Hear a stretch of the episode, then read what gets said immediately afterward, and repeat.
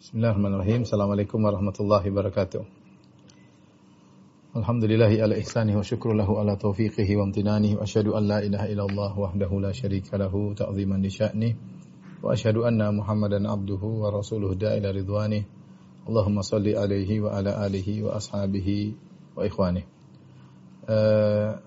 إخوان أخوات para pemirsa ya. Majelis Taklim Goroba Musqat di Oman yang dirahmati oleh Allah Subhanahu wa taala. Kita melanjutkan bahasan kita tentang fiqh al-asma al-husna, fikih tentang nama-nama Allah yang terindah. Dan sampai pada kesempatan kita akan bahas tentang nama Allah Al-Qarib. Al-Qarib. Al-Qarib yaitu yang yang maha dekat. yang maha dekat uh, datang nama Al-Qarib ya dalam Al-Qur'an maupun dalam sunnah ya. Dalil-dalilnya ya. Kita tahu Al-Qarib lawan dari Al-Ba'id, lawan dari yang jauh. Ya, Al-Qarib maksudnya yang maha dekat. Dalil-dalilnya ya dalam Al-Qur'an dan sunnah, Al-Qur'an dalam tiga ayat ya. Dalam surat Al-Baqarah ayat 186 ya pertama Al-Baqarah 186 di mana Allah Subhanahu wa taala berfirman wa idza sa'alaka ibadi anni fa inni qaribun ujibu da'watad da'i idza da'an ya. Ya.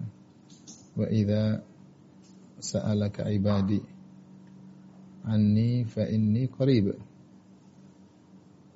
ujibu da'watid da'i da'watad da'i idza da'an.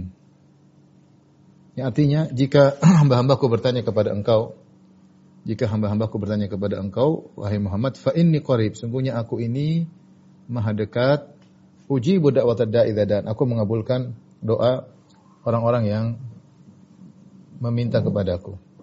Ini yang pertama. Yang kedua, dalam uh, surat Saba ayat 50. Saba ayat 50 di mana Allah Subhanahu wa taala berfirman, "Wa in ihtadaitu fa bima yuhi ilayya rabbi innahu samii'un qarib." Allah Subhanahu wa taala uh, berfirman innahu sami'un qarib.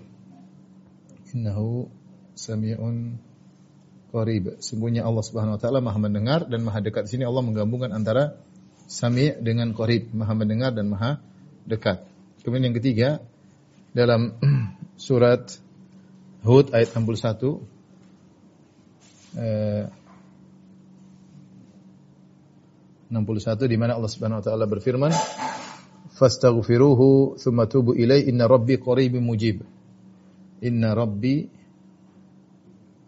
qaribun mujib. Sungguhnya Rabbku adalah qarib maha dekat dan maha menjawab. Sini qarib lihat perhatikan maha maha dekat. Jadi ada tiga ayat dalam Al-Qur'an. Ini ada tiga tiga ayat. Adapun dalam hadis banyak sekali dalilnya. Ya. dalam hadis ya banyak sekali ya. Yang uh, atau sebagian hadis menunjukkan sifat uh, qarib ya. Dan adapun hadis-hadis yang banyak menunjukkan tentang sifat Allah dekat secara maknawi ya. Ya jadi ada dalil-dalil kalau hadis. Ya uh, ada hadis-hadis yang menunjukkan uh, secara lafal ya secara lafal, korib, dan ada secara maknawi. Secara makna.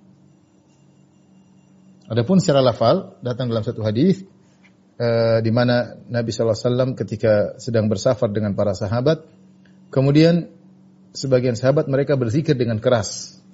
Maka Rasulullah SAW kemudian menegur mereka dengan mengatakan, Arbi'u ala anfusikum, fa innakum la tad'una asamma wala ghaiban innal ladzina innal ladzi tad'unahu aqrabu walakinnahum tad'una sami'an qariban ya. Ya, kata kata Nabi sallallahu alaihi wasallam menegur mereka rendahkanlah suara kalian yaitu sayangilah diri tidak perlu berzikir dengan apa keras-keras ya.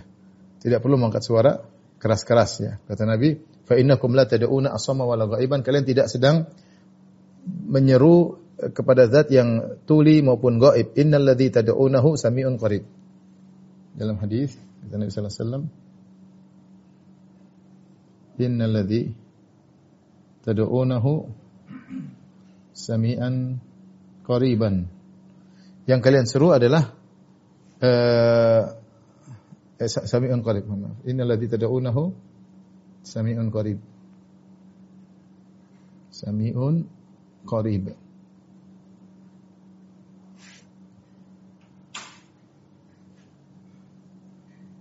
Kata Nabi, sungguhnya tidak perlu kalian berzikir dengan keras-keras. Sungguhnya yang kalian seru adalah Sami'un maha mendengar, Qarib maha dekat. Ya.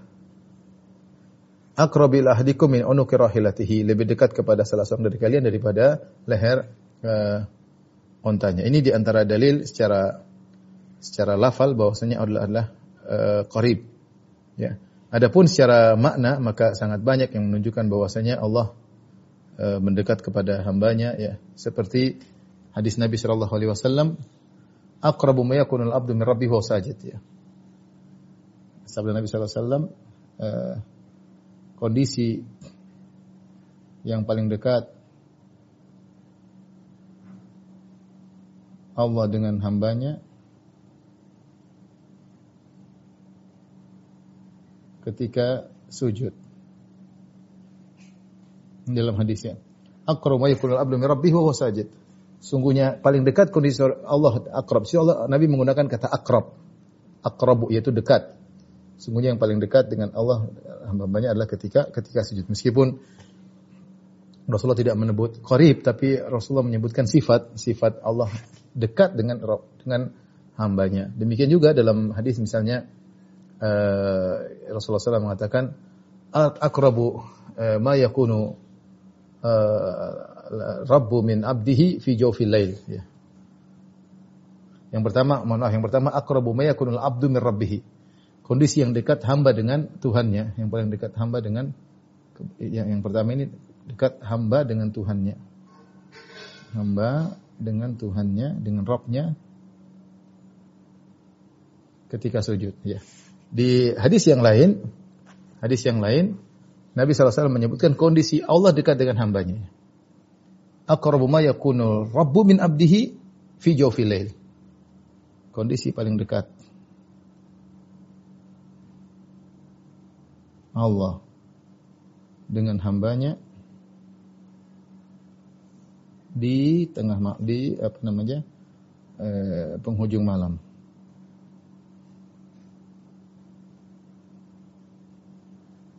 Ini eh, hadis-hadis eh, yang menunjukkan tentang Allah uh, dekat dekat uh, hambanya.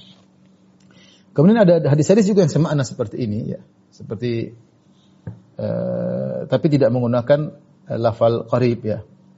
Seperti dalam hadis ya yang menunjukkan bahwasanya Allah mendekat kepada hambanya.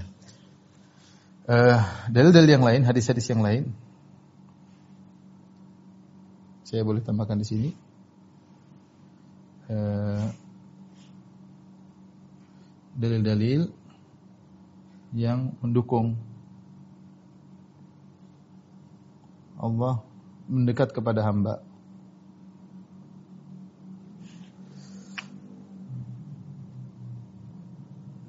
Atau kita buka halaman berikutnya. Tapi ini semua perhatikan uh, ikhwan dan akhwat yang rahmatillah subhanahu Di sini Allah mengatakan Allah Maha dekat, Maha dekat, Maha dekat.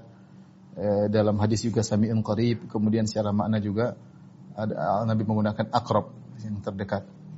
Kondisi Allah terdekat dengan hambanya, kondisi hamba terdekat dengan Allah Subhanahu wa taala. Ini semua dalil bahwasanya Allah uh, bisa dekat dengan hambanya ya. Secara zat, secara zat Allah dekat dengan hambanya. Baik, berikutnya.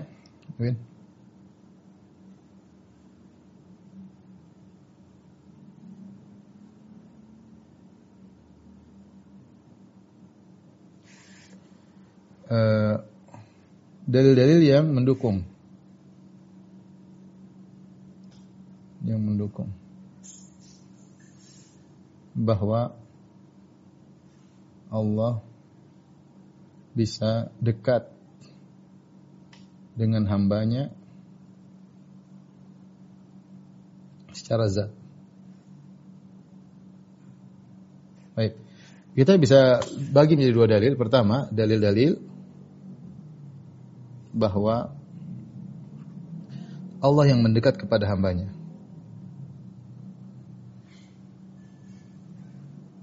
Pada hambanya.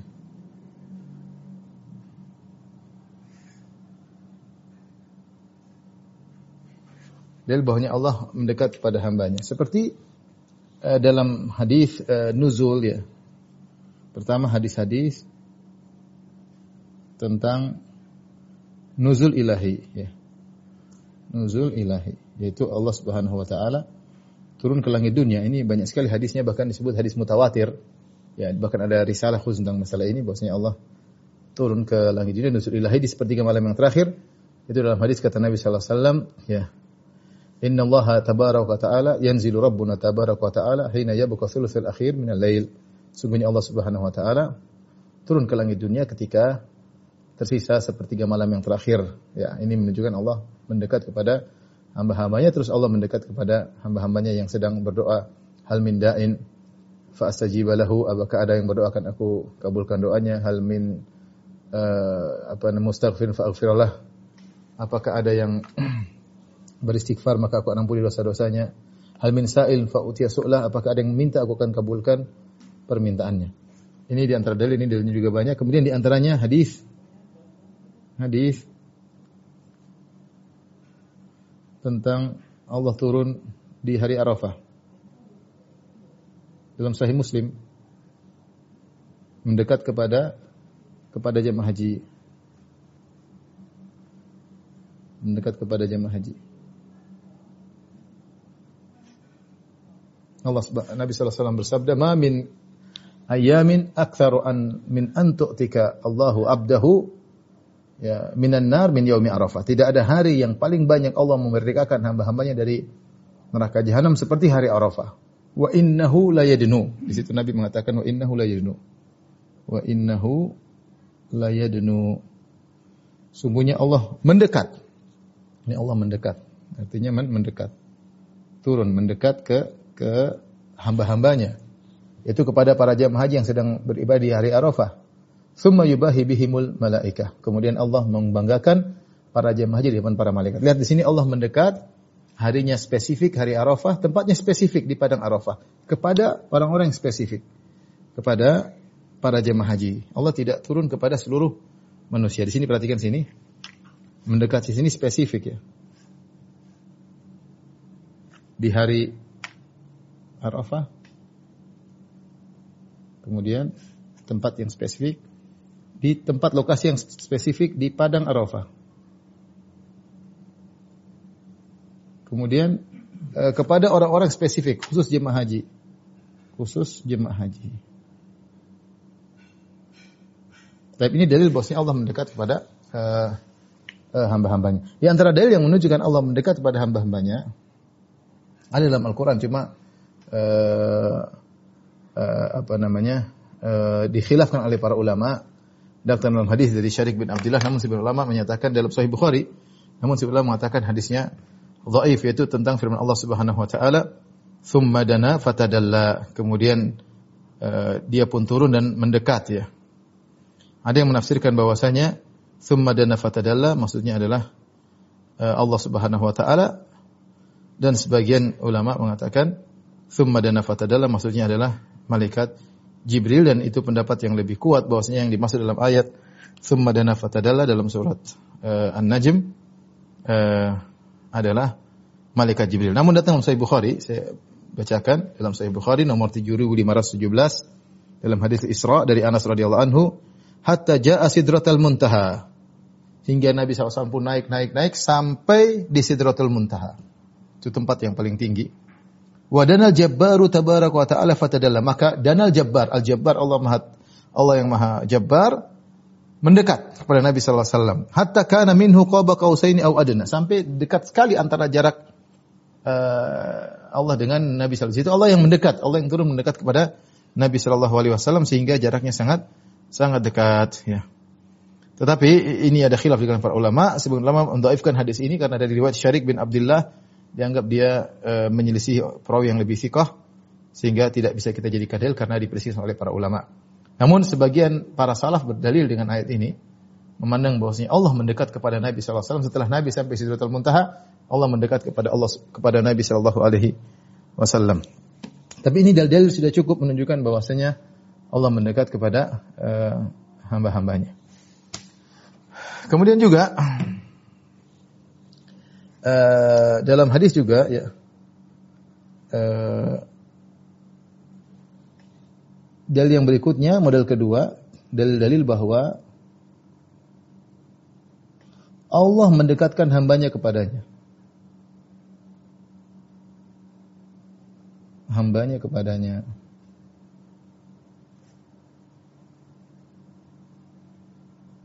Kalau tadi Allah mendekat kepada hambanya yang pertama sini, Allah mendekat kepada hamba-hambanya yang sekarang kedua, Allah mendekatkan hambanya kepada kepada Allah Subhanahu wa taala. Di antaranya dalam Al-Qur'an seperti firman Allah Subhanahu wa taala, "Ya Isa, inni mutawaffika wa rafi'uka ilayya." Ya wa rafi'uka ilayya.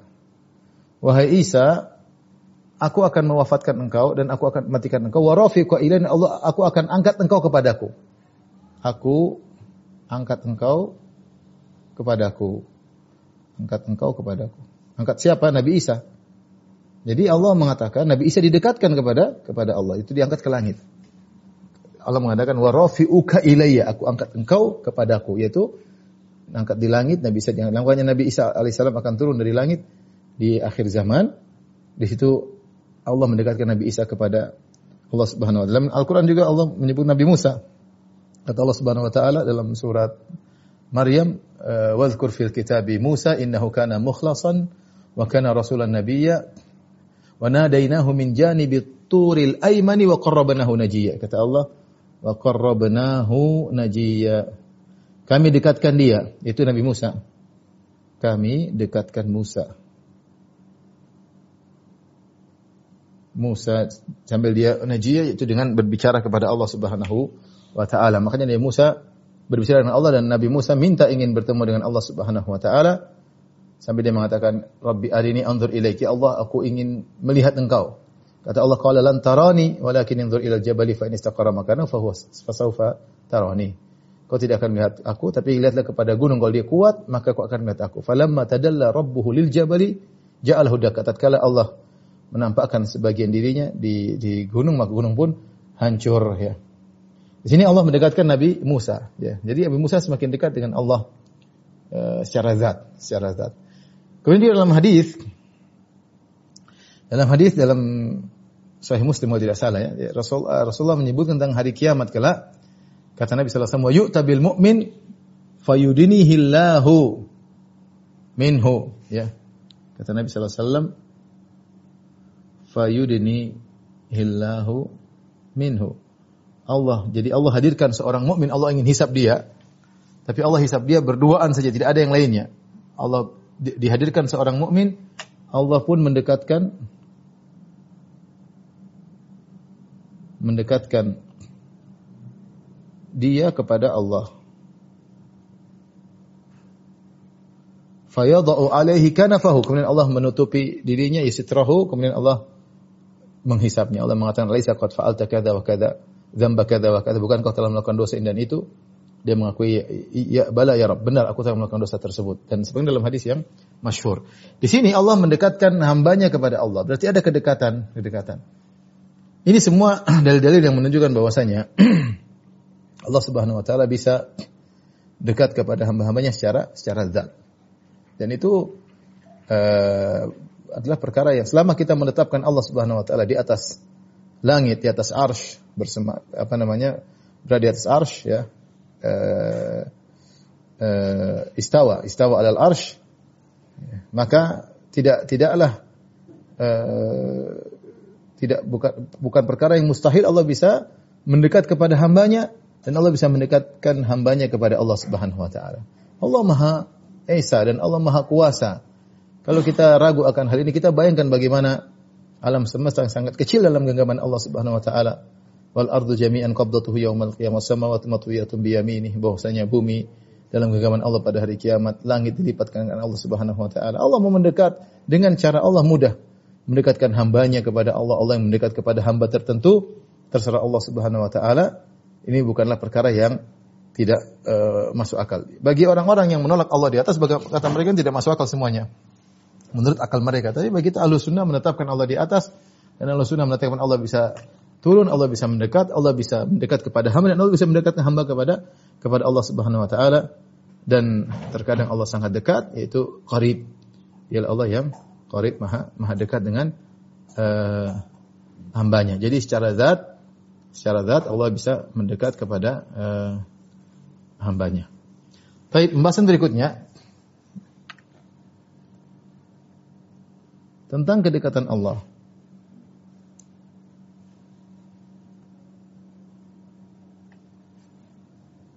Kedekatan Allah. Ada khilaf ya di kalangan para ulama. Ada dua pendapat. Pendapat yang mengatakan bahwasanya eh, pertama, pendapat pertama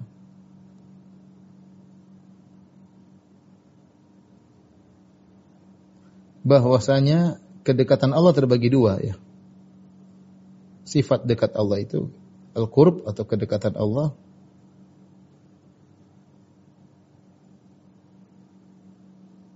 bisa dibagi dua. Eh, ada dua model, maksudnya ada ada dua ada dua kedekatan.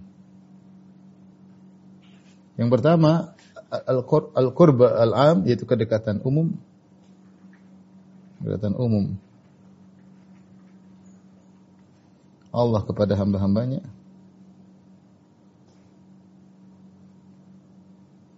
Itu dengan ilmu dan dengan ilmu dengan ilmunya dan uh, maha melihatnya, maha mengetahuinya dan seterusnya. Yang kedua, kedekatan khusus. Yaitu uh, dengan khusus kepada hambanya itu dengan memberi pahala memberi pahala dan mengabulkan doa. Kalau kita lihat eh, pembagian ini maka ini seperti pembagian sifat al-ma'iyah. Al-ma'iyah terbagi menjadi ada al-ma'iyah al-ammah, al-ma'iyah khasah. Al-ma'iyah al itu Allah Subhanahu wa taala bersama seluruh makhluknya dengan ilmunya. Dan al-ma'iyah khasah itu Allah bersama dengan sebagian makhluknya dengan menolongnya, dengan menolongnya. Nah, sebagian ulama seperti Syekh Abdurrahman bin Nasir As-Sa'di rahimahullah taala berpendapat bahwasanya sifatul qurb kedekatan Allah juga bisa dibagi menjadi dua sebagaimana al-ma'iyah. Ada kedekatan umum bahwasanya Allah Subhanahu wa taala mendekati seluruh hambanya dengan ilmunya dan ada kedekatan khusus yaitu Allah dekat dengan hambanya dengan memberi mengabulkan doanya dan memberi pahala kepadanya. Ini pendapat. Ada pendapat Ibnu Taimiyah dan pendapat kedua itu pendapat Ibnu Taimiyah dan juga pendapat Ibnu Qayyim rahimahullah taala yang dikutip oleh Syekh Utsaimin rahimahullah taala bahwasanya si kedekatan Allah tidak ada umum. Hanya satu yaitu hanya khusus khusus bagi hamba-hambanya hamba-hambanya yang ber, yang taat yang taat dan beribadah. Ya. Kenapa? Karena dalil-dalil menunjukkan tidaklah Allah menyebutkan tentang sifat atau Nabi tidak menyebutkan sifat kurb dekat kecuali kepada yang sedang beribadah. Contoh fa inni qarib ujibu da'watad da'i da'an. Sungguhnya aku sangat dekat bagi yang berdoa. Sehingga sifat dekat Allah hanya terkait dengan hamba Allah yang taat dan rajin beribadah. Itu bagi orang yang sedang berdoa. Seperti Allah Subhanahu wa taala wasjudu wa qatarib. Sujudlah dan dekatlah. Itu dekatlah kepada Allah dengan sujud. Itu sedang sujud. Ini menunjukkan bahwasanya kedekatan Allah ketika sedang uh, sedang beribadah. Demikian juga Allah mendekat Allah mendekat kepada hambanya seperti dalam hadis uh, para sahabat yang sedang berzikir arbi wa anfusikum fa innakum la tad'una ghaiban wala uh, summan wala ghaiban sayangilah diri kalian tidak perlu berzikir keras-keras karena sungguhnya kalian tidak sedang menyeru kepada zat yang tulid maupun gaib Innalladzi tad'unahu sami'un qarib. Sungguhnya yang kalian sedang bermunajat kepada kepadanya adalah zat yang maha mendengar dan maha dekat. Di sini dekat bagi orang yang sedang berzikir kepada Allah Subhanahu wa taala. Demikian juga uh, ketika sedang sujud Allah Subhanahu wa taala berfirman aqrabu ma yakunul abdu min rabbihi sajid. Sungguhnya Allah sedang dekat sangat dekat dengan hambanya ketika sedang sujud. Demikian Nabi SAW bersabda aqrabu ma yakunu rabbu min abdihi fi jawfil lail. Sungguhnya Allah sangat dekat dengan hambanya ketika dia sedang di penghujung malam itu ketika sedang berdoa. Ketika sedang berdoa. Ini semua dalil bahwasanya sifat dekat cuma satu. Kita tidak bagi menjadi sifat dekat al-qurb al-am, dekat yang umum pun dekat yang khusus. Sebagaimana pendapat Syekh Sa'di. Adapun Syekh Sa'di rahimahullah taala ketika berpendapat sifatul qurb bisa menjadi dua, umum dan khusus karena beliau berdalil dengan sebagian ayat-ayat yang diperselisihkan seperti wa nahnu aqrabu ilaihi min hablil warid, kami lebih dekat kepada sang hamba daripada urat nadinya dan yang benar ini maksudnya adalah malaikat. Sehingga uh, tidak bukan kedekatan Allah tapi kedekatan para malaikat yang selalu mencatat amal perbuatan hamba. Demikian juga wa nahnu dalam surat Al-Waqiah wa nahnu aqrabu ilaihi minkum walakin la tubsirun. Kami lebih dekat dengan dia namun kalian tidak melihat. Ini juga bukan Allah. Ini sebagian bahasan secara spesifik sudah kita bahas, tapi maksudnya adalah para malaikat yang akan mencabut nyawa. Makanya kalian tidak melihat malaikat-malaikat tersebut. Sehingga dalil yang disebut oleh Syekh Sa'di rahimahullah kurang uh, kurang pas wallahu alam bisawab. Jadi saya pilih pendapat bahwasanya sifatul qurb hanya satu yaitu terkait dengan hamba-hamba Allah yang sedang uh, beribadah yang sedang uh, beribadah. Taib. Uh, setelah ini kita bahas tentang menetapkan Allah bisa al-qurbu dzati, bahwasanya Allah bisa mendekat kepada hambanya atau hambanya mendekat kepada Allah. Seperti kita jelaskan dalilnya semuanya. Ya, Allah bisa mendekatkan hambanya kepada Allah dan Allah bisa mendekat kepada hambanya. Siapa yang menetapkan Allah di atas, maka bukan mustahil Allah bisa mendekat kepada hambanya seperti sifat nuzul dan yang lainnya. Dan Allah bisa mengangkat hambanya menuju Allah seperti Allah angkat Nabi Isa kepada Allah Subhanahu wa taala. Jadi ini namanya al-qurbul zat. Allah bisa mendekat kepada hambanya.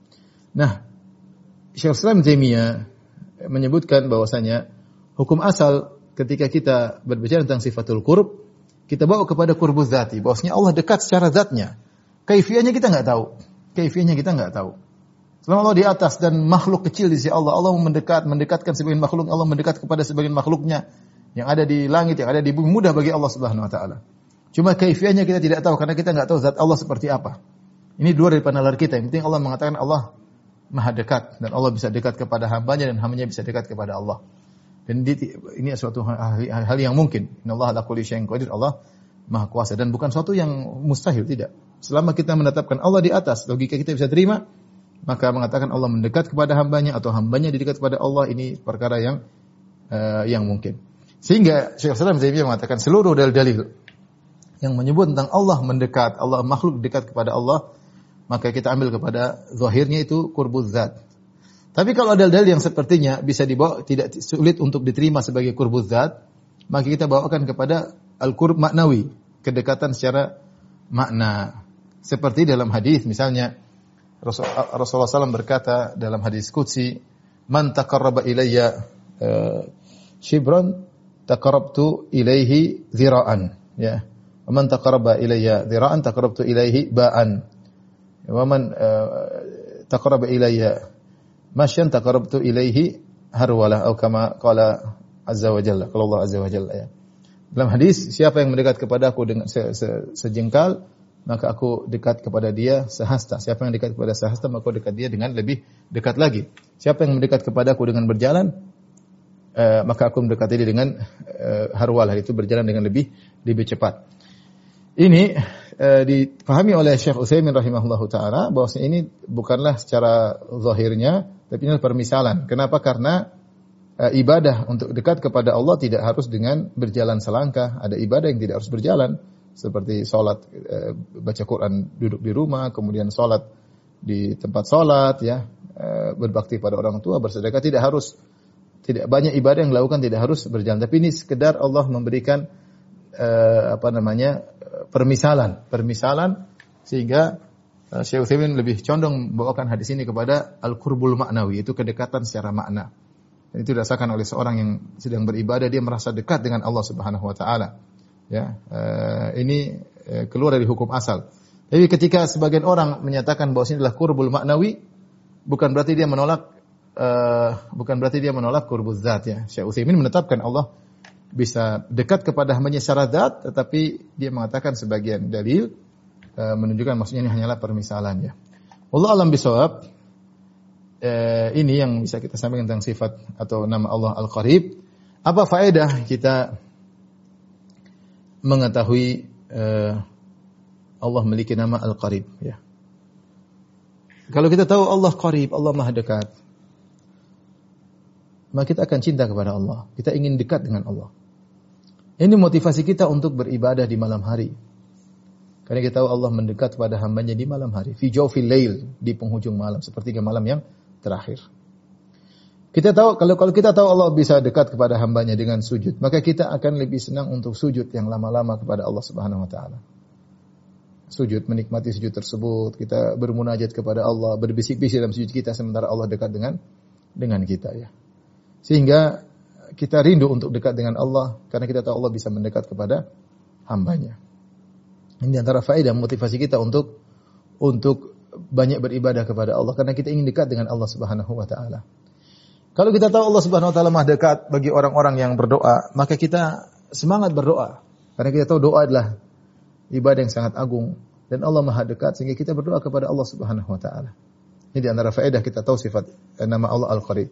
Kalau kita nama Allah Al-Qarib, kita ketika berdoa ya langsung kepada Allah ya, tidak perlu harus pakai perantara sebagaimana perkataan sebagian orang. Kalau kamu ingin minta kepada Allah, tidak bisa langsung sebagaimana kalau minta kepada raja harus lewat menteri, sebelum menteri harus lewat Pak Pak Lurah, Pak Lurah sebelum eh, Pak Camat, sebelum Pak Camat Pak Lurah sehingga silsilah eh, perantara yang begitu panjang. Sebagian perkataan sebagian orang kalau minta kepada Allah langsung nggak bisa, harus lewat Nabi Muhammad SAW. Kalau Nabi juga nggak bisa, harus lewat eh, para wali. Lewat para wali nggak bisa, maka lewat para kiai. Ini silsilah kepanjangan ya. Sementara Allah qarib, dekat. Dia maha mengetahui setiap hamba yang meminta kepadanya. Maka kita tidak perlu repot-repot, tinggal bangun malam berdoa kepada Allah, kita dekat dengan Allah. Sujud minta kepada Allah Subhanahu wa taala. Kemudian kalau kita mengetahui Allah adalah qarib, maka kita husnudzon kepada Allah. Allah dekat. Lebih dekat luar biasa daripada selain Allah Subhanahu wa taala. Ya, kita terkadang berharap kepada manusia, dia kurang dekat, Allah lebih maha maha dekat. Ya sehingga kalau kita tahu Allah maha dekat baik secara zat maupun maknawi, kita husnudzon kepada Allah Subhanahu wa taala. Dialah Allah yang telah menciptakan kita. Dia lebih tahu kebutuhan kita, dia lebih tahu solusi yang terbaik bagi kita, dia yang lebih mendengar uh, keluhan kita daripada manusia ya. Daripada manusia. Dia yang tidak pernah bosan mendengar rengekan kita, tangisan kita, keluhan kita. Tidak pernah bosan. Manusia bosan. Karena dia jauh dari kita. Dekat dalam kondisi tertentu, kondisi yang lain dia jauh dari dari kita. Maka seorang ketika tahu Allah Subhanahu wa taala Maha dekat, maka dia husnudzan kepada Allah dan dia uh, selalu memohon kepada Allah Subhanahu dia lebih cinta kepada Allah Subhanahu wa taala. Kalau seorang tahu Allah Maha dekat, maka ketika dia minta dia menghadirkan hatinya. Karena dia tahu dia sedang berbicara dengan zat yang Maha Maha dekat, ya. Sehingga dia berbisik-bisik, dia yakin Allah Maha mendengar. Bahkan mungkin lisannya tidak mampu untuk membuka isi hatinya, tapi dia tahu Allah Maha tahu isi hatinya. Karena dia tahu Allah Maha dekat sedang mendengar apa yang dia utarakan kepada Allah Subhanahu wa taala ya.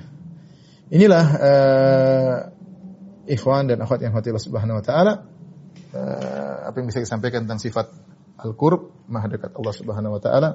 Maka seorang berusaha mendekatkan dirinya kepada Allah agar dia meraih kebahagiaan dengan dekat kepada Allah Subhanahu wa taala. Uh, demikian saja ikhwan dan akhwat yang rahmatillah subhanahu wa taala yang saya sampaikan semoga bermanfaat. Uh, insyaallah kita lanjutkan pada kesempatan yang lain kurang bisa maaf wabillahi taufiq Assalamualaikum warahmatullahi wabarakatuh.